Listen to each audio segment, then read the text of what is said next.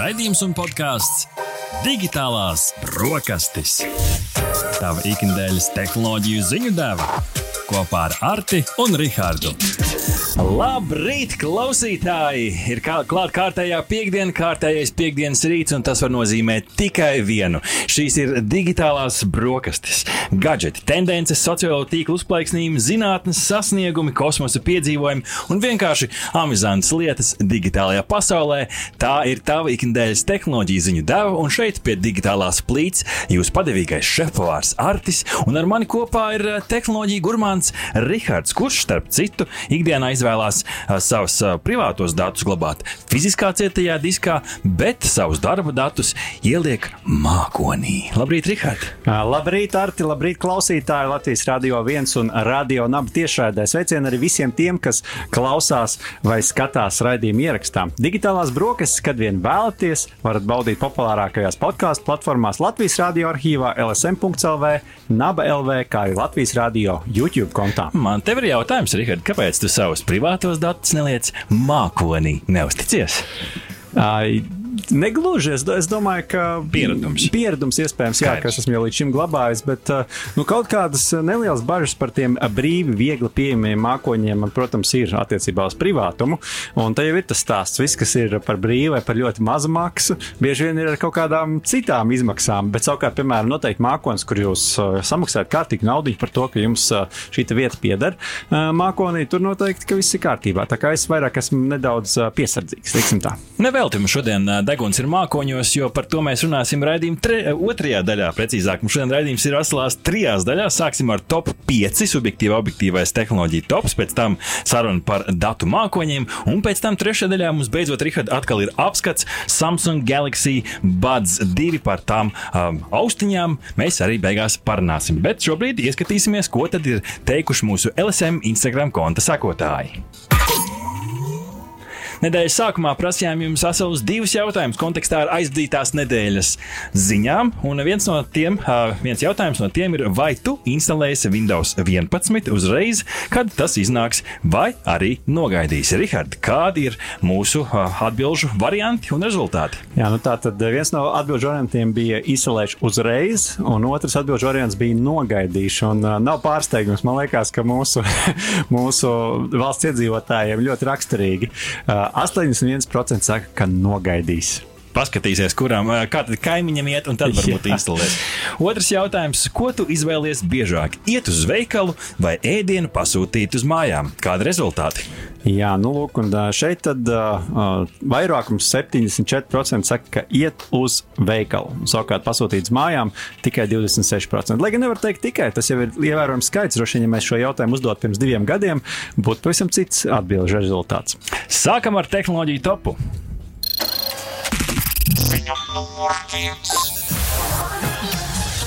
Karstākais jaunums uz digitālo brokastu pānas no Salvadoras, kur ir kļuvusi par pirmo valsti pasaulē, kas oficiāli ir pieņēmusi bitkoinu kā tās valūtu, izveidojot arī savu oficiālo bitkoinu lietotni Chivo, kā ziņo TheVerge.com. Tā būs otrā oficiālā valūta valstī kopā ar ASV dolāru, kuru šī Centrāla Amerikas valsts pieņēma 2001. gadā. Jau jūnijā Salvadora pieņēma lēmumu uzņemt bitkoinu kā vienu no tās oficiālajām valūtām, un gados jaunais, starp citu, prezidents ā, Najaps Armando Bukele Ortes par to stingri iestājās arī publiskajā komunikācijā, un iespējams Rihards arī daļa panākumu atslēga. Ā, Tirgotāji Salvadorā varēs izmantot abas valūtas, ja spēs, protams, to tehniski nodrošināt, jo tur nedaudz konfigurācija ikdienā gan jau ka mainās. Viena no galvenajiem argumentiem Salvadoras valdībai par labu tieši bitkoinu ieviešanai kā savai valūtai bija pirmkārt tas, ka šajā valstī ne visiem cilvēkiem, kā mums ir par paceļam bankomāts, attālākas vietas un tam līdzīgi, tā kā digitāli maksājumi varētu atrisināt šo problēmu. Un ļoti daudz ģimenes locekļi Salvadoras pilsoņiem dzīvojot arī nu, ne, nepārāk tālajās ASV, Amerikas Savienotajās valstīs. Tā kā šie pārskaitījumi iespējams kļūs par kārtu rock. Jā, nu katrā ziņā ļoti interesanti, ka kā šīs kriptovalūtas ienāk mūsu ikdienā, un ka ir arī valsts, kuras ir gatavas to atzīt par savu oficiālo valūtu. Nu, savā ziņā var teikt, ka pionieri Salvadorā, bet interesanti, kādu ietekmi tas atstāja uz pašu kriptovalūtu mm -hmm. vērtību. Un tad ļoti interesanti, ka tieši Bitcoin uzņemšana Salvadorā radīja ievērojams svārstības šajās vērtībās, un otrdien tāpat nokrita no aptuveni 42 tūkstošiem līdz 36 tūkstošiem. Diezgan ievērojams kritiens. Mm -hmm. Tieši tā, ja mēs mm -hmm. skatāmies eiro uh, valūtā. Un, uh, starp citu, arī atsevišķām platformām šādas lielas svārstības, jo, protams, cilvēki nu, uzreiz steidz vai nu pārdot, vai kāds mm -hmm. varbūt arī steidz pirkt. Bet uh, šīm platformām, tā skaitā, piemēram, Čivo lietotnē, uh, tika, tika konstatēta arī darbības traucējumi dēļ, dēļ tās lielās aktivitātes, ko noteikti veica uh, pircēji un pārdevēji. Nu, tā, tā kā šāda ietekme uz uh, pārējo. Uh, tas tikai, tas tikai Richard, jā, pie, pierāda to, ka esiet uzmanīgi. Mēs nekad neteiksim jums, ko jums darīt ar savu naudu. Mēs neesam noteikti arī finanšu analītiķi, bet esiet uzmanīgi, jo viens puses varētu šist, o, oh, tūlīt leks augšā, bet redz, kā nokrit tomēr lejā. Ziņa numur divi. Kā Rihards ziņo CNET.com, tad NASA Marsa izpētes robots Perseverance ir veiksmīgi izpildījis pirmo no tām misijām. Aplausi Perseverance! Veiksmīgi no Zemes paceļot iežu paraugu transportēšanai atpakaļ uz Zemi. Persija, starp citu, kā to ir iesaukuši zinātnieki, tās 190. misijas dienā izžuvuša ezera gultnē iegūs aptuveni zīmuļa biezuma paraugu. Mazs darbiņš, liels sasniegums. Āķīgākā misijas daļa gan vēl ir priekšā, jo Persijas savāktos paraugus atstāja izrādās turpat uz Marsa virsmas tādās speciālās kapsulās. Un savukārt vēl neuzbūvēts robots, kas ir interesants fakts, kur uz Marsu NASA un Eiropas kosmosa aģentūra sūtīs tikai 2028. gadā šos te paraugus savāks no Zemes, ieliks raķetē un sūtīs atpakaļ uz Zemi. Ja viss noritēs pēc plāna, tad šis te mazais paraugs, par ko mēs runājam šodien, uz Zemes savu saules gaismu ieraudzīs tikai 2030. gadā. Jā, nu tiešām liekas, kas tur viens tāds zīmuļu izmēra paraugs un tā pacelšana no zemes. Bet patiesībā iztēlojamies, ka tas nenotiek kaimiņu pilsētā, tas pat nenotiek kaimiņu kontinentā, tas notiek uz citas planētas. Ne kaimiņu, kaimiņu planētā. Jā, tas notiek uz citas planētas un tas tiešām liels sasniegums. Un izrādās, ka šis robots pavisam spēs savākt 43 Aha. dažādus paraugus no jezero krātera. Un, nu, tas, protams, būs liels panākums šai misijai un lieliski varēs iegūt daudzveidīgi šos paraugus, jo šie dažādie paraugi ļaus uzzināt vairāk par Marsa vēsturi un iespējamām dzīvības formām, kas tur varētu būt bijušas. Un, nu, tas zinātniekiem noteikti būs ļoti vērtīgi. Un arī mums, protams, to visu izzināt. Ziņa. Ziņa numur trīs šajā rītā pārceļamies no Marsa uz kaut ko šeit atpakaļ tuvāku Zemē, uz Twitter platformu. Vēl viens jaunums, Rihards, kārtējais jaunums, gribētu teikt, Twitter platformā šogad jau, par kur mēs stāstam, šoreiz ar nosaukumu Communities, jeb šo latviešu iztulkojot kopienas. Tās būs privātas sarunu grupas, kurām varēs pievienoties ar ielūgumu, kaut kas līdzīgs kā Clubhouse vai ne. Lietotāji varēs tvītot par konkrētu grupas tēmu, un to redzēs citi grupas lietotāji, bet ne apkārtējie, kas šajā grupā nav. Un, attiecīgi, tikai šie grupas dalībnieki, protams, arī varēs miedarboties ar šiem tvītiem un ierakstiem par tom ziņo TheVerge.com. Līdzīgi kā tas strādā Facebook un Reddit grupās, katrai šai Twitter communities grupai būs savs moderators, savi noteikumi, kas arī attiecīgi šo grupu pārvaldīs. Pirmās no grupām, starp citu, interesanti fakti ir, un tagad Rikārds varētu minēt, kas ir šajā grupā. Pirmā ir hashtag Astro Twitter. Jā, nu, varbūt kādi, kuri seko līdzi tam, kas notiek uh, uz, uz Marsa. Uz naglastrāpī ļoti labi. Hashtag dog Twitter. es domāju, ka varbūt tie, kas seko Dogecoin, panākumiem. Tur nav divi gāti, kā tas nav par, par Snoop Dogu.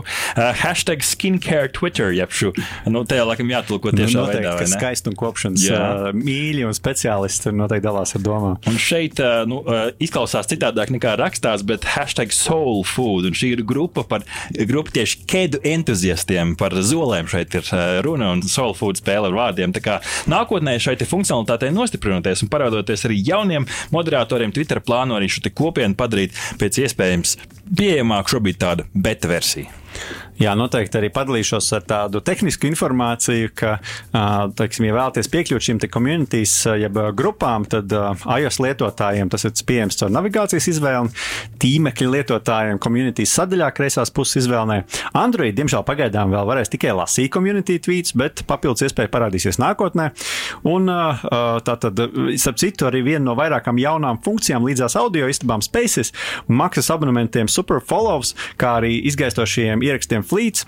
Un šis te viss, tā teikt, būs papildus vēl viena lieta, jo, nu, kā jau Vārts teica, šajā gadā ir tik daudz, kas ar Twitter mm -hmm. noticis, un šī ir vēl viena jauna lieta. Grūti pat izsekot, un viņi man liekas, kaut ko atver, kaut ko slēdz, un mm, reizēm jau pat, par to stāst, reizēm jau pat nevarēs mm -hmm. saprast, tagad ieiet, ieiet, ieiet Twitterī, kas, kas tur īsti notiekās. Tā kā, nu, interesants pārmaiņas. Bet kaut kādā veidā jā, ir jācīnās. Mēs gan, kā mēs konstatējām, ja kāds mums uz ielas saka, Twitters ir miris, mēs, Rihards, esam gudrāki, mums ir bijusi saruna par šo speciālistiem. Tas ir kļuvis kvalitatīvāks, un tur ir cilvēki cilvēku un iespējams par, eh, vairāk par tēmām. Eh, bet šeit iespējams vēl viena tāda funkcionalitāte, kas varētu piesaistīt uzmanību. Nevar neko viņiem pārmest. Ir jāmēģina viņi savā ziņā nedaudz tādu darbību atgādina tādu startup vidu, jaunu uzņēmumu vidu, kur vienkārši met visu pret sienu, skat, skatās, kas pielīp. Nu, ja nepielīp, nokrīt zemē, līdzīgi kā flīts, ja izgaistoši ieraksti. Tā. Eh, tā kā nu, šeit cepuri noslēgt, Twitter mēģina, lai cenšas, un noteikti būs interesanti arī izmēģināt. Varbūt jums, Rihard, jau uztais kāda sava grupa, hashtag DB, digitālās brokastis ļoti atbilstoši nosaukumam.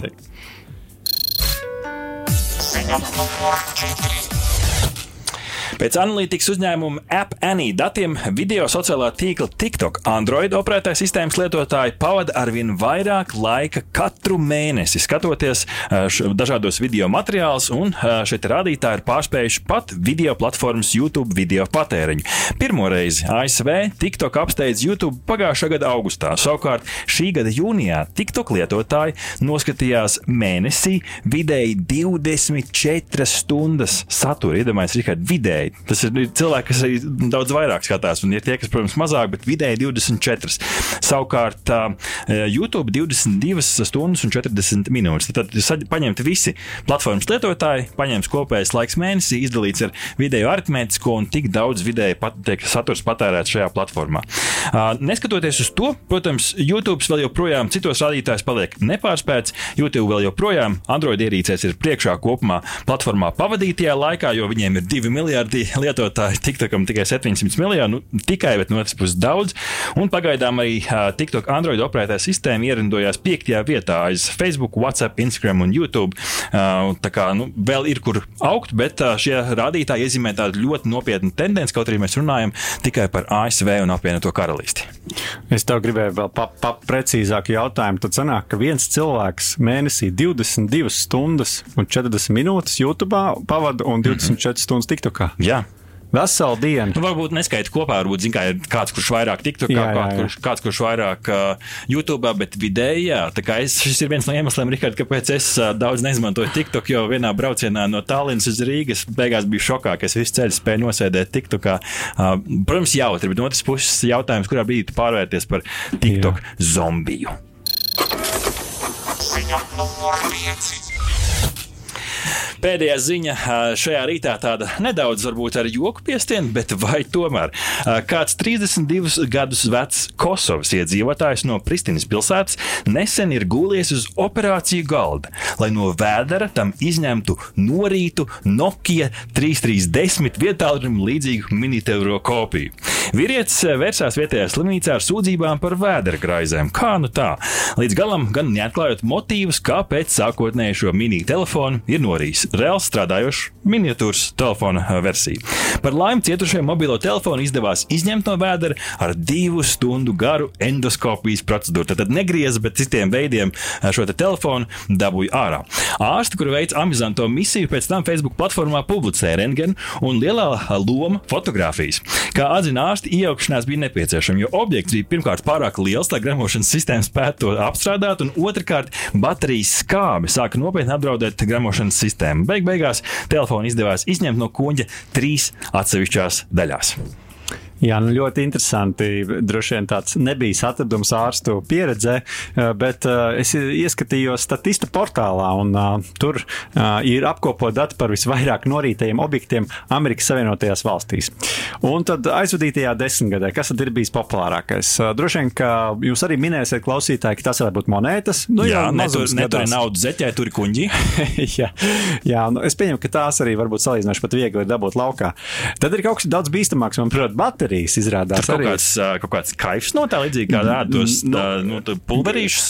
Grūti teikt, noteikti nebudināsim klausītājus. Noteikti nedarīt, tā, tā skābi jau vien nevarētu sāst. jā, jā, bet katrā ziņā baterijas ir top 2 un top 3 ir, manuprāt, vēl pat bīstamāk. Naglas, adatas un zobu bakstāmi. Tātad asu priekšmeti. Jā. Tīri nedaudz to, to zobus un netīšām, op, apēdu kopā ar visu nezinu, varbūt, kas ir ar naglām un adatām tīri zobus, bet, no nu, acīm redzot, varbūt, ā, no adats varbūt tur mutē, kamēr naglo kaut ko pie sienas vai un adats jā, līdzīgi. Vai, vai šuj, piemēram, uzvalku. Tā kā esiet uzmanīgi, te, kad jūs kaut ko naglojat, tad neturiet lietas mutē un, kā saka, būs viss drošāk. drošāk. Tā kā, nu, tā, tādas top man, trīs lietas. Es, un šis ir top trīs, bet es gribu izcelt vēl vienu lietu, par ko man ir, nu, tā kā daudz, daudz jautājumu šajā sarakstā. Es ieraugu arī Ziemassvētku rotājumu. Tas ir tā kā, nu, tu esi tik priecīgs tajā rītā, ka tu grābi visu to egli vāc nost un netiešām kaut ko norīt. Kā tas reāli notiek?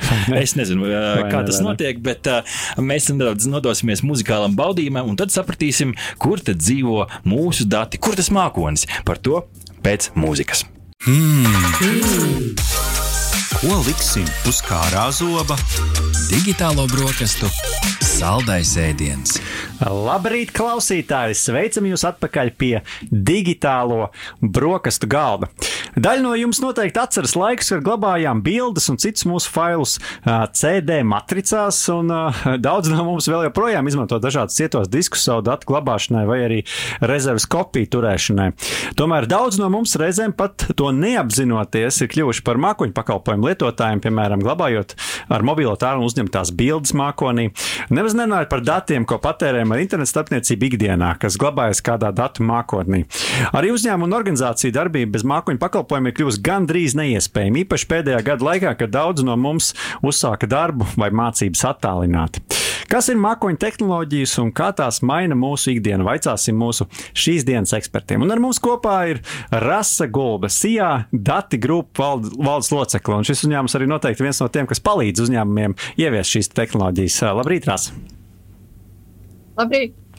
Ar mums kopā arī Jānis Viklis, failiem.lv CEO. Un es domāju, ka nevienam nav jautājumu, kas ir failiem.lv. Tas ir, tas ir mākonis, kurā mēs glabājam un bieži vien sūtam arī viens otram dažādas attēlus un bildes. Labrīt, Jāni! Labrīt! Un Ingus Homka, TET datu centra risinājuma konsultants. Un, uh, Ingus ir, ir ļoti zinošs tieši par datu centriem, uh, kur tad arī tie, kur tad tas arī mākonis fiziski atrodas. Bet uh, par to mēs visu uzzināsim vairāk intervijā. Ar. Jā, labrīt. Labrīt, labrīt. Ingus, jā.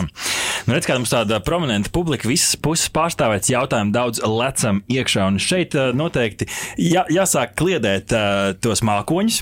Tiešām, Aha. tiešām pārnestā nozīmē, vai ne? Jautājums Ingus tev. Ikdienā mēs runājam par mākoni, dati man stāv mākonī. Kas tad realitātē ir mākonis un varbūt Kāpēc tas sauc par mākoni? Jo man šķiet, ka datu centrs tas kaut kas tāds liels, gruntīgs, pamatīgs, bet Ingus varbūt var atklāt šo. Vai tas tāds ir uh, baigi labs un man tāds mīļš jautājums, kas ir mākslinieks? Un uh, man bieži, bieži vien liekas, ka nu, mūsdienās par mākslinieci sauc nu, pilnīgi visu. Un, un tajā ir gan sava daļa patiesības, gan daļa savas arī meli. Ja? Tātad, uh, no tādas definīcijas viedokļa praktiski visu servisu vai pakalpojumu, kur mēs varam saņemt ar internetu, internetu vidas starpniecību, mēs kā lietotājs, ja, tos visus principā var saukt par mākoņu pakalpojumiem. Un, nu, pašā vienkārši, ja pavisam mēs vienkāršojam, ja, tad, tad, ja jūs uztaisat mājaslapu un tajā kaut ko tirgojat, tad, principā, jūs varat sevi saukt par mākoņu pakalpojumu sniedzēju. Ja. Bet, nu, tādas īstenas mākoņu pakalpojumu vidas, ja, nu, man, man, man vairāk liekas, ka tās ir tādas, kur jūs varat saņemt daudz dažādas servisus, kur savā, savā starpā sasaistīt visādi kopā, ja, nu, tad tos var minēt par lielajiem, tātad mūsu milžiem Azūru, AVS, ja, tur tādām lietām. Ja. Tie tiešām rītīgi milzīgi mākoņi. Ja.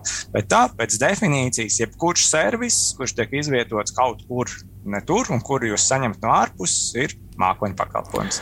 Es varbūt noprecizēšu, tad tas ažūrs tas ir laikam Microsoft pakalpojums, un tad tas Jā. AVS tas savukārt būs Amazons. Amazons Jā. vai ne? Jā, tad viņi bija pionieri šajā visā. Vismaz vieni no noteikti. Varētu tā teikt, jā. Uh, skaidrs, un tad uh, varbūt kolēģiem ir kaut kas vēl piebilstams par to, kas tad īsti tas ir tas mākonis. Jāni, Uh, Es varu piebilst to, ka mākslinieks kā simbols pats ir uh, radies no tādas abstrakcijas līmeņa, ar ko vienkārši datortīklos vai schēmās aizsardz attālināts datu komunikācijas, kur parasti mm -hmm. vienkārši neiespringst, lai viņas aprakstītu, no kā viņas detalizēti sastāv. Nu, piemēram, lai jūs savienot divus attālinātus birojus, pa vidu jums ir telekomunikācija tīkls, vēl kaut kādas tehnoloģijas, bet vēsturiski to schēmās aiz, nu, apzīmēja ar tādu mākoņu simbolu. Ar domu, lai neiedziļinātos, kas no kā tas tieši sastāv, jo tipiski tur ir ļoti sarežģīti slēgumi, varbūt. Un tas ir tas, no kurienes radies tas mākoņu simbols. Un līdzīgi arī mūsdienu tajos attālinātajos pakalpojumos, kurus var īrēt, tas mākslinieks faktiski ir vienkārši abstrakcija, lai, neaiz, lai aizstātu to sarežģīto sistēmu vai schēmu, kas stāv aiz tā aizmugurē. Un, protams, tam mākonim, kā kolēģis no te teica, ir dažādi veidi un formas izpaustas. Bet tas mākslinieks tiek lietots vienkārši tāpēc, lai lietotājiem tika vieglāk noslēptu visu to sarežģīto schēmu aizmugurē. Skaidrs. Uh, nu, tas noteikti palīdz labāk saprast arī, kāpēc tāds nosaukums. Uh, bet uh, rasa, nu, tik jau pieminēti dažādi veidi, kur mēs sastopamies ar mākoņu pakalpojumu. Tur mājaslapa, internetu veikals, un tad tiks augt dažādi arī nosaukumi, varbūt, kas ir mazāk dzirdēti. Bet kur ikdienā mēs sastopamies ar mākoņu pakalpojumiem? Nu, kas ir tie praktiskie brīži, kur es kā cilvēks, kurš nu, lieto internetu, paka, internetu saskarās ar mākoņu pakalpojumiem? teikt, o, redz, kur mākonis. Jā, principā lielākā daļa gala lietotāju mūsdienās jau tipiski jebkuru programmu, teiksim, projektu vadības programmatūru, arī kur mēs skatāmies video platformas, tie visi jau ir mākoņu pakalpojumi. Jo patiesībā jau mēs vietēji jau reti ko glabājam. Un mēs arī reti, kad sagaidām, ka tad, kad mēs iegādājamies, teiksim, um, programmatūras licenci, ka mums atradīs tāda kastīte ar disketi, un mums ā, pašiem būs jādomā par infrastruktūru, kā nodrošināt, lai tas strādā. Mēs esam pieraduši, ka caur browseru mēs varam piekļūt pakalpojumam un izmantot to uzreiz. Mhm. Tas, ā, ja mēs runājam par pakalpojumu tipiem, bet mākoņu tipi ir vēl plašāki un daudzveidīgāki. Skaidrs. Uh, nu, labi. Tad uh, jautāsim Jānim, kas tad ir tie galvenie mākoņu pakalpojumu veidi? Nu, tad bieži vien izskan tādi burbuļu savienojumi, IASS, PAS un, un tā tālāk. Ko tad, ko tad īsti tas nozīmē? Varbūt kādu piemēru uzreiz iedot. Mākoņu pakalpojumi parasti ir nu, vairākos līmeņos sadalās. Jūs pieminētie, kas ir infrastruktūra, kas servis, kas ir pa lielam izīrēti virtuālie vai fiziskie serveri, kas darbojās datu centros. Tas nozīmē izīrēta infrastruktūra. Tad ir izīrēta platformas infrastruktūra, kas ir bijusi jau kaut kas augstāk.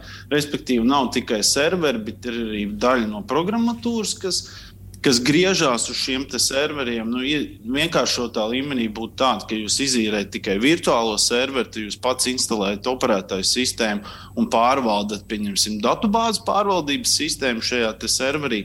Platforma kā pakalpojums nozīmē, ka jums serverī ka jūs izīrējat jau datubāzu vadības sistēmu, pieņemsim. Un tad trešais, vistuvākais līmenis, kas ir gala lietotājiem, nevis profesionālajiem lietotājiem, ir programmatūra kā servis, jeb angļuiski software as a service. Tas nozīmē, ka lietotājs faktiski šo te mākoņu pakalpojumu izīrē gan programmatūru, gan rīkus, uz kuriem tie griežās. Ar to es domāju, tehniku, serveri, datu masīvu, datu centri, piekļuves sistēmas un tam līdzīgas lietas, plus arī tehnisko uzturēšanu. Un visi šie trīs komponenti datu telpas, serveri, programmatūra un uzturēšana kopā veido šos dažādos mākoņu pakalpojumu veidus. Es domāju, ka šo, šajā brīdī jau daudz mūsu klausītāji domā, cik labi, ka ir tāds termins mākoņi. Šodien mēs izpratīsim par to, un pēc tam, ticamāk, aizmirsīsim un priecīgi lietosim. Bet tāpēc mēs esam šeit, lai šo saprastu. Pilnīgi noteikti. Tie, tieši tā. Un es varbūt tad uh, Ingus un pajautāšu par, par to. Uh, Ingum pajautāšu par. Uh, par attiecīgi ir privātie un publiskie, un tad vēl ir tādi hibrīda mākoņi. Kas tie tādi ir? Jā, nu, tur diezgan īstenībā ir pavisam vienkārši. Ja? Tad, tad, ja kāda organizācija grib kaut ko uzbūvēt priekš sevis, ja, tad arī viņa tos visus pakalpojumus, kas ir domāti priekš nu, viņu darbiniekiem, ja, tie, tie visi varētu būt viņu dati un kas likti pie viņu kaut arī pie sevis vai pie pakalpojumu sniedzēja kaut kur datu centrā, jā, un to var nosaukt par privātu mākoni. Tad publisks mākonis tas būs tāds jau mākonis, kur lietos vairāk nekā viens klients. Tad, tad tur būs daudz klientu, viņi visticamāk, vai pēc definīcijas lietos vienus un tos pašus resursus, tad serverus, disku masīvus, tīkla iekārtu. Tā būs sadalīta starp šiem uh, daudzajiem klientiem, lietotājiem, kas būs viņas lietotāji. Un hibrīdie mākoņi ir tādi, ka šie abi divi, gan privātie, gan publiskie, savienojas savā starpā kopā. Nu, varbūt citreiz liekas, kas tas, tas ir, kā mēs viņus varam savienot. Nu, no mūsu puses, no viedokļa, kā servis, nu, kā pakalpojums sniedzējiem, tas vienkārši ir datu kanāls starp abiem šiem mākoņiem pa vidu. Nu, tas tā pavisam vienkārši izskaidrojot. Te varbūt uzreiz papildus jautājums no manas puses. Nu, mēs, protams, parunājam arī par biznesa pusi, bet es tīri kā, kā parasts datorlietotājs. Man šobrīd ir, piemēram, manā uh, mazajā USB atmiņā, man ir bilde. Es ielieku datorā, tagad es gribu nosūtīt uh, kādam, es izmantoju kādu servisu. Kā fiziski šie dati ceļot viņi vienmēr kaut kā, nu, ja pieņemsim, ka mums ir datu centrs šeit Latvijā, viņi vienmēr arī, ja, kā, kā ja, ja sūtu bildes Rihardam, kas arī tepat Latvijā, viņi vienmēr būs izies cauri Latvijas kaut kādam aplītim, vai arī tas, tas ceļš tiem datiem ir gaužām garāks. Kā fiziski šie dati ceļo, ja mēs tā ļoti vispārīgi runājam? Ja jautājums man, tad. Uh... Uh, internets ir tāda ļoti inter, interesanta vai tāda unikāla lieta, ja, ka principā pateikt, pa kādu ceļu jums dati pa internetu ies nevar. Tad internets pats rēķina īsāko vai ātrāko ceļu. Tad nu, pilnīgi noteikti, nu, Latvijā visticamāk ātrākais ceļš būs tepat izmantojot Latvijas resursus, bet te ir dažādi bet. Piemēram, ja jūs uh, izmantosiet mobilo internetu, te nu, gan jā, nu, es neminēšu mm -hmm. konkrētu pakalpojumu sniedzēju, jā, bet ir pakalpojumu sniedzēji, kur, kuriem, piemēram, interneta tas uh, trafiks vai tie dati iet cauri citu valsti, cauri jo viņiem tur ir kaut kāda infrastruktūra, kas spēj tos datus kaut kādā veidā maršrutēt, ierobežot, pārbaudīt un kaut ko tādu. Tā kā nav tāds simtprocentīgi garantija, ka jūs pārsūtot no šejienes kaut kādus blakus datoru, nu, izmantojot interneta vidi, viņš noteikti ies tepatām caur Latviju. Tas pilnīgi noteikti tā nevar pateikt. Bet eh, jā, viņš ceļos pa īsāko, vai precīzāk, norādīto, īsāko norādīto maršrutu, kāds viņam ir iespējams. Vai datu singus var arī fiziski pārvest? Tas ir kaut kāda reāla, tā, reāla darbība, ko datu centros veids reāli pārved arī fiziski datus, ja viņi ir iespējams tik ļoti uh, slepeni, ka nu, nevar sūtīt tā vienkārši caur parasto internetu. Nu, zin, nevienmēr viņam jābūt tik slepeniem. Jā. Bieži vien dati arī ir tik ļoti daudz ka viņus pārsūtīt caur internetu būs vai nu ļoti dārgi, vai ļoti ilgi. Un tad tiešām ir tāds vienkāršākais variants, ir tās eh, jau tevis pieminētās USB atslēdziņas, ja, bet nevienmēr tajās eh, viss kaut kas sajiet iekšā. Tad ir eh, tik tiešām iespējams vest šos diskus vai veselus disku masīvus, ja, un tad viņi tik, tiek transportēti. Un, un, ja, mums tāda pieredze, protams, ir un tiek transportēta ar paaugstinātas drošības, ar visādiem nosacījumiem pret šo vešanu. Jo, nu, protams, ka dati ir sensitīvi, dārgi, un ja pazaudēs kaut kādā veidā, tad nu, uzņēmumam būs diezgan pietiekoši liels nepatikšanas. Rasai noteikti ir kaut kas vēl piebilstams. Jā, šajā gadījumā sanāca arī mazliet uh, inguma pieskarties komentārā nākotnes tendencēm, jo patiesībā jautājums um, par datu glabāšanu uh, bija un joprojām ir aktuāls, bet uh, tas bija kā top jautājums uh, pirms vairākām desmitgadēm. Un tagad jautājums nereti ir tieši par datu pārvietošanu.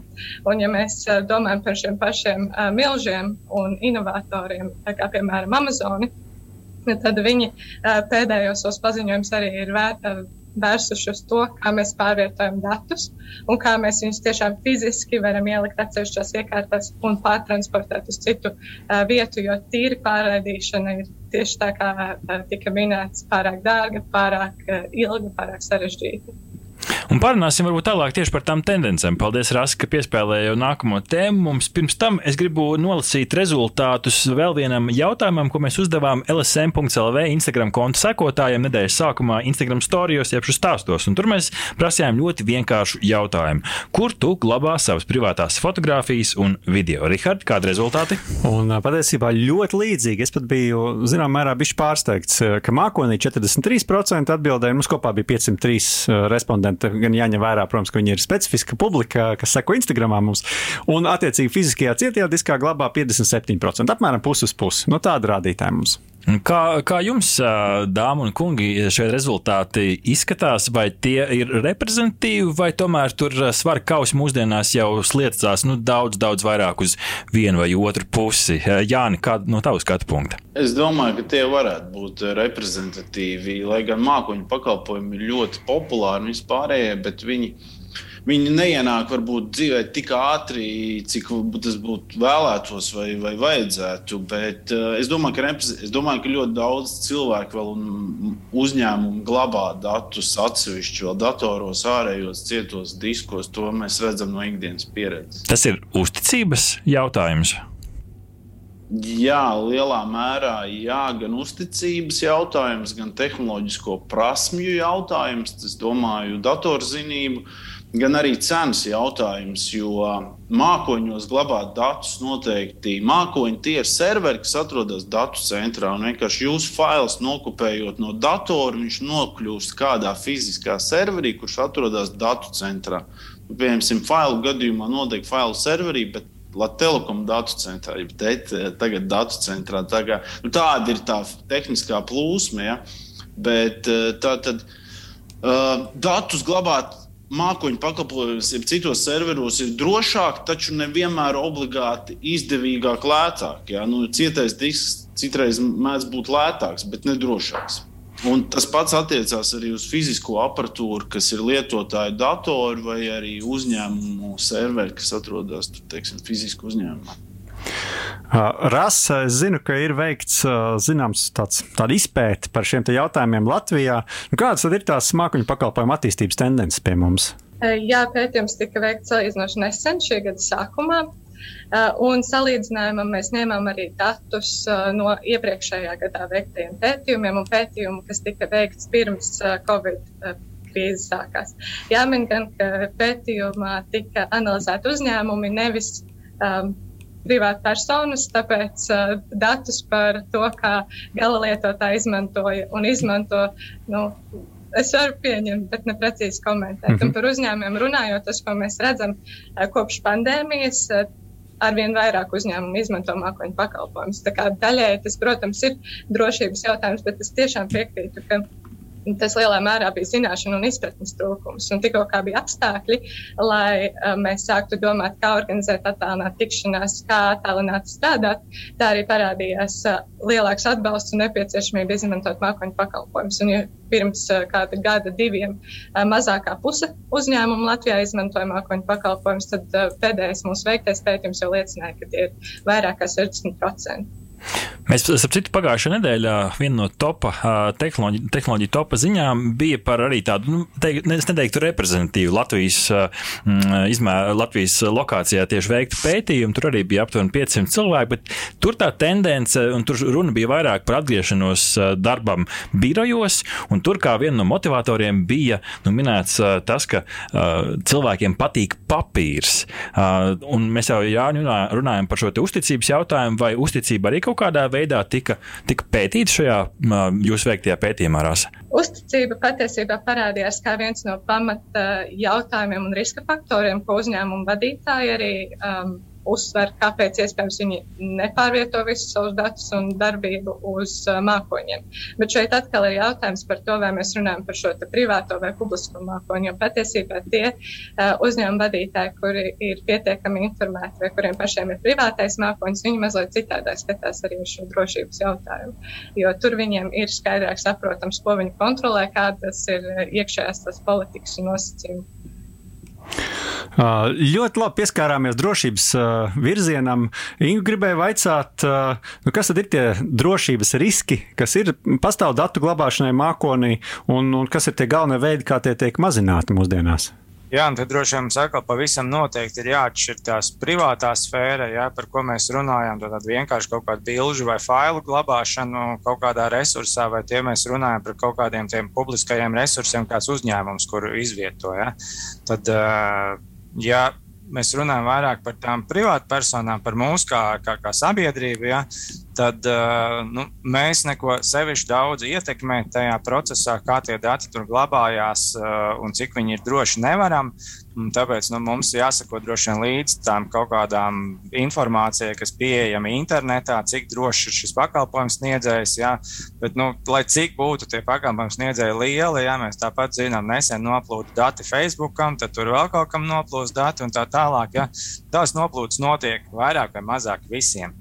Ja mēs atkal pagriežamies pret to eh, patērētāju, pret to uzņēmumu, ja, un viņu, viņu jau iespēja kaut kur izvietoties un izmantot šos resursus kaut kādus, tad es teiktu tā, ka nu, būvējot to savus mākoņus arī tajās publiskajās platformās, viņiem pašiem par to drošību ir jārūpējās tieši identiski tāpatām, kā viņiem jādrūpējas par to infrastruktūru, ko viņi nopērk un novieto pie sevis savā, savā birojā, savā datu uh, serveru telpā, ja, kaut kur, vai tieši tāpat kā mēs mājas lietotājs rūpējamies par savu mājas datoru, uzstādot tur kaut kādu antivīrusu vai routeru, uzstādot vai firewall priekšā. Ja, tieši tāpat ir jādara arī mākoņu vidēs, nekādas atšķirības viņās nav. Ja. Tāda, tāda tā mana atbilde. Mūsu sarunai, diemžēl, jau tuvojās tās noslēdzošās minūtes. Gribās katram no jums uzdot vēl vienu jautājumu. Nīgus, varbūt paturpināsim ar tevi. Mēs visu laiku runājam par mākoņiem, mēs esam minējuši datu centrus. Cilvēki visticamāk iztēlojās ēku, bet kas varbūt ir tās galvenās komponentes, no kurām sastāv datu centrs? Nu, jā, droši vien tas, man liekas, tas stereotips ir eh, tāds, ka, ja mēs eh, ie, ie, ie, iebrauzēsim arī kaut kur kādā internetu pārlūkā, ja, kas ir datu centrs, tad mums būs tā telpa ar mirgojošajām statnēm un lampiņām, kur mēs redzam, ja, bet nu, tā ir tikai tā fasāde. Ja, tad ir vesels eh, komplekss ar sistēmām, tie ir ģeneratori, tās ugunsdzēsības sistēmas, UPS sistēma, tātad nepārtrauktas elektrības nodrošināšana, dīzeļģeneratoru sistēmas, gaisa kondicionēšanas sistēmas un filtrēšanas un tā tālāk.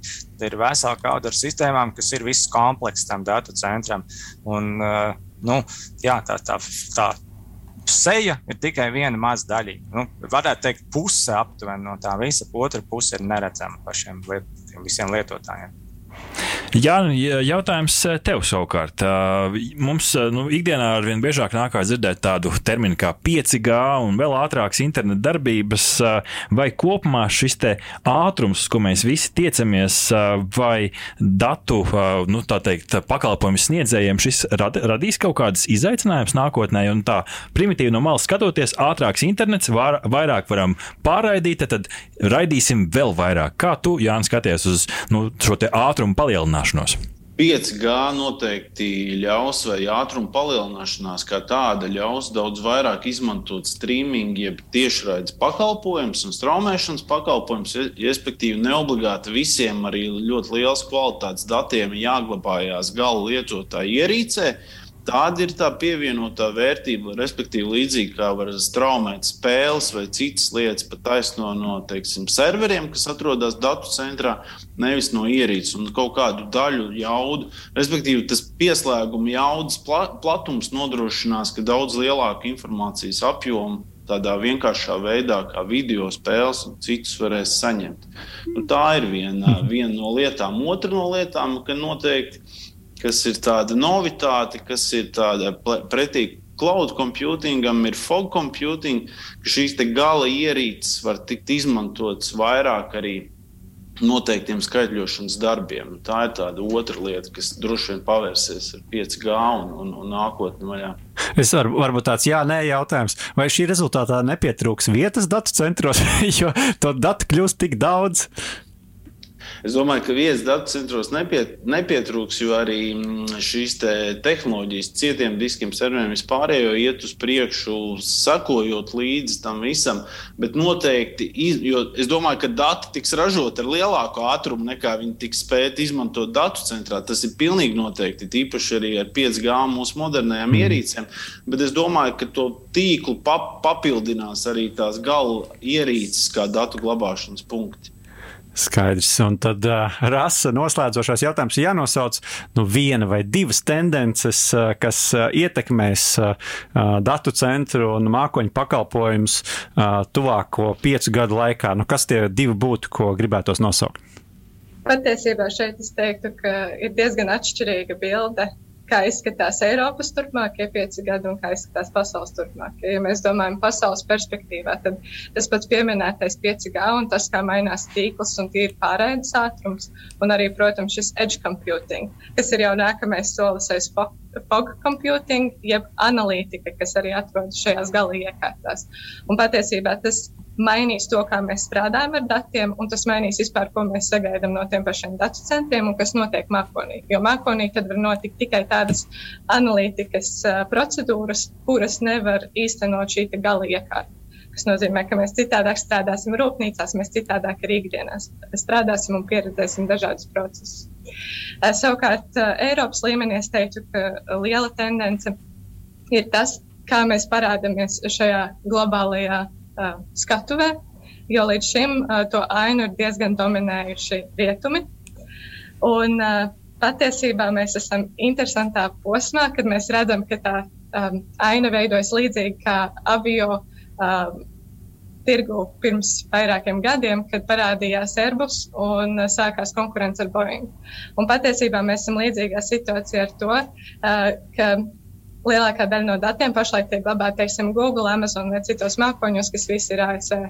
Un tad tas ir gan likumdošanas jautājums, gan jautājums, kā arī Eiropa tālāk veidos uh, savu šo mākoņu vidi, lai parādītos jau izteiktāk uh, pasaules skatuvē. Lieliski! Paldies! Liels! Nonācām no mākoņu pakalpojumiem, jau cloud computing, vēl pie fog computing, kas būtu miglas pakalpojumi, un beigās vēl edge computing, kas ir tā teikt, kas tā ir mala vai, vai, vai kā to labāk iztulkot. Katrā ziņā mums arī daudz jaunu tēmu priekš digitālām brokastīm tālākajiem raidījumiem. Liels paldies Rasa Gulbas, IA dati grupu valdes locekli Jānis Viklis, failiem.lv vadītājs un Ingus Homka, te datu centra izcinājuma konsultants. Paldies jums, ka bijāt kopā ar mums šajā rītā. Paldies! Paldies! Un nu ķersimies eh, pie raidījuma noslēdzošās daļas, pie tehnoloģiju apskata. Laiks palutināt savas tehnoloģiju garšas kārpiņas ar ko īpašu. Saimniek, vienmaz gadžetiņu! Bezvada austiņas, Rihards, izzūdot 3,5 mm audio džekam, ikdienā ieņem arvien būtiskāku lomu. Ausis nosedzošās uz ausīm, iekšā ausīs, pat aiz ausīm. Ne tikai vairs labi atskaņo mūziku, reizē arī mikrofons slāpē skaņu, pastiprina skaņu, atpazīst un apklust, kad runā tu, kad runā apkārtējie. Šodien mēs, draugi un klausītāji un skatītāji, apskatīsim Samsung Galaxy Buds 2 trokšņu slāpējošās austiņas, kuras ir ievietojams jums iekšā ausī, angļuiskais termins in-ear, jeb šo tā vienkāršā sarunu valodā runājot, tās ausiņas, kas ieštopējās ausī. Šīs austiņas mums neatmaksātam un neatkarīgam apskatam sagādāja Samsung Electronics Baltics. Rihard, iesim klasiskajā veidā cauri mūsu kategorijām, kas katru reizi, mhm. protams, pielāgojās, bet šeit izskats un korpus. Rihard, kāda ir kastīte? Sāksim ar to. Jā, nu, katrā ziņā kastīte ir gan identiska tai, ko mēs redzējām pie Baltas Live. Mm -hmm. Tad mhm. tā būtu iepriekšējā uh, sērija austiņām, un uh, nu, tā ir standarta izmēra, nav arī smaga. Uh, kastītes aizmugurējā daļā ir tas USB-C lādētājs, kur var pieslēgt un lādēt šīs austiņas. Gan arī var ielikt tajā mazajā džinsu kabatiņā. Jā, jā, jā. Nu, jā apmēram tik, tik lieli ir. Un, nu, kādā ziņā tajā kastītē ir iespēja likt arī šīs austiņas iekšā, viņas tur lādējas, un viņas var labi ieguļot ar magnētu palīdzību, tā smuki iekrīt iekšā. Līdz ar to, nu, manuprāt, viss, viss, kā, viss kā nākas, kāds arī iepriekš ir pieredzēts, man liekas. Uh mhm. -huh. Vienīgi, nu, man uz korpusa palika diezgan daudz pirkstu nospiedumi, lai arī balts korpus tur nevar redzēt tik labi, bet, ja būtu citi krāsti, tad varētu stipri labi, man liekas. Skaidrs, pie kartupeļu cepšanas labāk šīs jā, austiņas neiestikt. Ja mēs paskatāmies uz pašām austiņām un to ievietošanu ausīs, šis ir man šeit viens no būtiskākajiem faktoriem, kas vispār cilvēkiem ir izvēloties šādas te ausī ievietojamās austiņas. Un šeit um, nu, es, es būšu atklāts, varbūt tas ir mans ausu izliekums, mana auss gliemežnīcas forma, uh, kas nedaudz varbūt man traucēja, bet es nezinu, kā tev, Rihard, mēs pamainījāmies. Patestēja viens, patestēja otrs. Man, godīgi sakot, krita ārā. Un krita ārā nevis skrienot vai lecot, bet pat sēžot pie galda un vienkārši klausoties mūziku. Rihard, vai tās ir manas ausis? Jā, nu, iespējams, ka tās tavs ausis. Man nekrita laukā, bet es atzīšos, ka es tādos ļoti sportiskos apstākļos neizmēģināju šīs austiņas, bet nu, galva pakritī likās, likās, ka turās iekšā. Kā, nu, tas varētu būt auss jautājums, un kā mēs zinām, tas vienmēr tā ir ar tām austiņām, kuras liek iekšā ausī. Nu, jāatrod ir tās, kuras ir ērtas. Tas, kas ir interesanti, patiesībā no vienas puses šis austiņu dizains ir kaut kādā veidā bonus, jo tas ir patiesībā tik mazas, un šeit varētu salīdzināt ar tādiem maziem olīšiem, ar tādām mazām marmora vai stikla bumbiņām. Tās ieguļ iekšā auzu gliemežnīcā, un es teiktu, ka izskatās stilīgi. Nu, tā, ja gribās stilīgi izskatīties, tā, ka, nu, kas nekarājās ārā no ausīm, šeit noteikti plusiņš, tā apaļā forma noteikti izceļās. Nu, salīdzinot, piemēram, ar tādiem citiem konkurentiem, kā Apple AirPods, kas nu, ikoniski tev ir ārā no ausīm. Eh, šķiet, ka tikai pietrūkst eh, šie vadi, kas ir nogriezti šķērēm nost. Ah, vai arī nu, tas pats Huawei FreeBuds arī ar to Apple AirPods eh, stilu, ka tā nosītā kāņa ir ārā no auss šeit pavisam ieguļās iekšā ausī. Un šīs austiņas pieejamas ir grafīta, olīvu zaļā, lavandas un baltā krāsā. Parunāsim par skaņu. Šis noteikti ir otrs būtiskais faktors, Rihard. Kā skan? Jā, nu skan, manuprāt, labi priekš austiņu izmēra. Nu, protams, ka nepārspēja tās ausu nosedzošās austiņas. Mm -hmm. nu, tās tomēr rada to atmosfēru. Tieši tā, tieši tā. Un, nu, man liekas, ka arī līdz Boze Quiet Comforts, piemēram, tās neaizsniedzas. Bet, nu, tas, protams, arī dizaina jautājums. Viņas arī ļoti mm -hmm. pamatīgi atšķirās. Ja mēs runājam par basiem, nu, tad basi arī ļoti pieklājīgi, manuprāt, ir, ir, ir skan gana labi priekš priekš tā izmēra, kas, kas tajās ausīs iekšā ieguļ. Uh, un, un arī, ja mēs runājam par augstajām to notīm, tad paklausījos arī operu, tur bija arī mezzo soprāni. Nu, izklausījās, manuprāt, uh, pieklājīgi. Uh, ja mēs runājam par uh, trokšņa slāpēšanu, kamēr tu klausies mūziku, jo šī ir viena no tām funkcionalitātēm, kas šīm austiņām ir, kā bija apkārtējos, varēja dzirdēt, nevarēja dzirdēt, klausoties tieši mūziku. Jā, nu, klausoties mūziku, es teikšu, ka, um, ja cilvēks atradās ļoti tuvu, tad uh, cilvēku varēja dzirdēt. Hmm. Bet, principā, tālāk esot, tiešām bija tā, ka nevarēja dzirdēt, un, un tur tādā ziņā plusiņš. Un, un es pat teiktu, sākumā bija skeptisks, jo man likās, ka es tā kā dzirdu, kas man tuvumā notiek. Un tad bija viens brīdis, kad es tieši testēju dzirdēju šo te, uh mhm. -huh. un uh, mani sauc, un es vispār nedzirdēju, ka mani sauc. Parunāsim par mikrofoniem. Mūsdienās austiņas vairs nav tikai austiņas, tas ir arī raidītāja iekārta. Es nezinu, kā tev, Rihard, mēs patestējām, pazvanījām viens otram, um, bet nu, no, ar manu ausu izklausījās, nu, ka var just tomēr to atšķirību. Ja tu runā šobrīd caur radio mikrofonu, es runāju vai caur austiņām, nedaudz tāda plasmasīga tā skaņa. Jā, varbūt var piekrist. Nu, es arī zvanīju citiem un mm -hmm. prasīju, kā es izklausos, un tad viņi arī teica, ka, nu, principā jau līdzīgi kā pa telefonu bet, bet eh, noteikti kaut kāda nianses varēja sajust, ka mm -hmm. tas, tas tomēr bija citādi. Man liekas, interesanti, ka tomēr tās ausis ir iekšā un ka tomēr tie mikrofons spēj to skaņu uztvert. Mm -hmm. Es savā ziņā esmu tāds eh, um, austiņu, trokšņu slāpēšanas austiņu kaut kāds uh, en, entuziasts. entuziasts. Pilnīgi noteikti. Es pats esmu izmēģinājis vairākus, un šeit, ja šis ir faktors, kas ir svarīgs, tad varbūt šīs tomēr nebūs īstās austiņas. Te labāk šīs te lielās austiņas, mm. kas nosedz visu austiņu, jau pašas fiziski nosedz, un kaut vai tās pašas Sony VH1000 XM4 austiņas vai arī Bose Quiet Comforts 35. Uh, kā, nu, jā, šis noteikti nebūs tas faktors. Vēl viena interesanta lieta ir vēja pūšana. Šeit es izmēģināju uzsēžoties uz velosipēda un pamēģinot, es teikšu, ka nu, slāpēt jau slāpē. Nav šī skaņa, ka pūš tieši iekšā mikrofonā, bet toties nu, tā balss pēc tam izklausās kā caur kaut kādu papīra turzu. Nu, tā skaņa nu, nebūs, nebūs arī tas pats labākais. Un runājot par apkārtējās vides trokšņu pastiprināšanu, šeit es domāju, ka ir diezgan, diezgan adekvāti. Ja gribās uz ielas dzirdēt apkārt notiekošo, varbūt pat braucat ar velospēdu, ko mēs, protams, nerekomendējam, bet nu, tomēr vismaz var dzirdēt arī, kas apkārt notiek. Nākamais svarīgais faktors - baterija. Rihard, kā ar bateriju?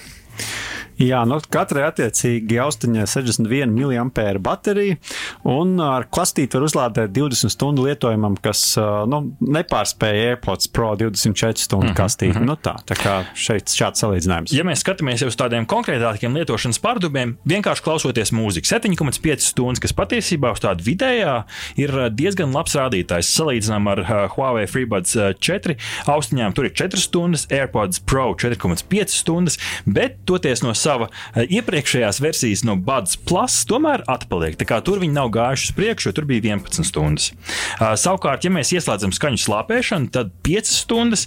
Ja mēs runājam par mikrofonu kaut vai caur Zoom vai arī sarunāties caur telefonu, tad 3,5 stundas. Tad ar katru kārtu ir vien, arvien mazāk. Jautājums, cik ātri uzlādēt, te tādu varbūt kopējo mēs nenomērījām, bet nu, aptuveni 5 minūtēs var dabūt vienu stundu klausīšanās laiku. Tad attiecīgi varat, varat pamēģināt, kā tad kopumā ir un cik ātri var uzlādēt. Lietojamības plusi un mīnus. Ar ko tu, Rihards, saskāries un ko varbūt gribējās, lai labāk, bet varbūt kaut kas bija ļoti labi? Jā, nu man, piemēram, likās gan labi tas, ka saslēdzot ar telefonu uh, caur Bluetooth, es varēju steigāt apkārt pa māju. Es domāju, novietojot telefonu tā labi, ja virtuvē, tas ir tādā dzīvoklī pa vidu. Es domāju, var mierīgi steigāt pa visu dzīvokli ar šīm austiņām un uh, nenotiks nekā traucējumi. Tas, ko noteikti jāpiebilst, ir, um, ka tās, šīs austiņas nav ūdens izturīgas, kas ir būtiski. Līdz ar to es priekš sportošanas tās neizvēlētos. Ir īpaši, ja jāskan ir lietu, vai arī, nu, ja jūs esat ļoti, ļoti pastiprināts svīdējis, tad arī varbūt citas austiņas nāktu par labu. Samsung Wear lietotne ir kaut kāds faktors, ar ko jārēķinās, un tie pieskārieni nu, bija jātrāp. Ar kaut kādu piekto reizi es piešāvos, bet sākumā tur runā par pieskārieniem pie austiņām, lai pārslēgtu tur dziesmas un tā tālāk. Ja? ja mēs skatāmies uz cenu, protams, mēs šeit konkrētas cenas nesauksim, bet tādās cenu kategorijas salīdzinājumā es teiktu, ka ir kaut kur pa vidu. Uh, nu, protams, AirPods Pro, kas jau skaitās tā kā au, augstāka līmeņa, arī kvalitātes ziņā, protams, tās ir dārgākas. Šeit varbūt gan gandrīz vai, gandrīz vai divreiz lētāks, bet, nu, piemēram, ja gribās kaut ko lētāk apstīties, tās pašas Huawei austiņas FreeBuds 4i šobrīd jau pavisam zemām cenām atrodams salīdzinot ar šo. Līdz ar to te ir tāds varbūt ietrāpīts pa vidu starp kvalitīvu produktu un cenu, ko cilvēki arī iespējams var, var atļauties. Uh, paskatīsimies uz rezumē. Nu, kopumā, manuprāt, Rihards, rezumē par šīm austiņām labas austiņas tiem, kuriem patīk iekšaus risinājums un patīk stopējošā sajūta. Es neizmantoju tās sportošanas braukšanai, kā jau minēju, taču baudījumam mājas vai darba apstākļos ir tīpaši, ja jākustās apkārt pa istabu, derēs. Ar izteikti labu skaņu uztveru apveltītajiem, kuriem iespējams maciņš ir biezāks, varētu būt vērts, aptula, ir iespējams vērts paskatīties arī uz citiem produktiem, uz citiem ražotājiem un modeļiem. Taču, ja gribās trāpīt pa vidu starp adekvātu cenu un kvalitāti, tad Bats 2 iespējams būs priekš jums. No manas puses īkšķis pa vidu, Rihard, no tavas puses. Es teikšu, īkšķis gandrīz uz augšu, jo man tās austiņas nekritā ārā no ausīm? Tad, tad no manas puses īkšķis pa vidu, no tavas puses īkšķis gan izaugšā. Nu, es atļaušos šeit teikt īkšķis pa vidu, jo bija kaut kādas lietas, pie kurām jāpiestrādā. Bija kaut kādas lietas, kas arī bija labas. Rihard, kas mums ir saldētavā uz nākamo nedēļu? Klausītāji, esiet kopā ar mums arī pēc nedēļas, kad kā ierasts iepazīstināsim jūs ar tehnoloģiju jaunumiem, kā arī ar ekspertiem pārunāsim aktualitātes vietāluņu pasaulē. Paldies, ka mielojāties kopā ar mums. Mūzikas redaktors Girts Bišs, pie režijas pults Arnolds Zauziņš, raidījumu veidoja radionāpa autori Ārtis Ozoliņš un Rihards Blese speciāli Latvijas Radio 1. Tu klausījies digitālās brokastis. Katru piekdienu no 10 līdz 11. Arī podkāstu formātā, populārākajās platformās. Digitālās brokastis.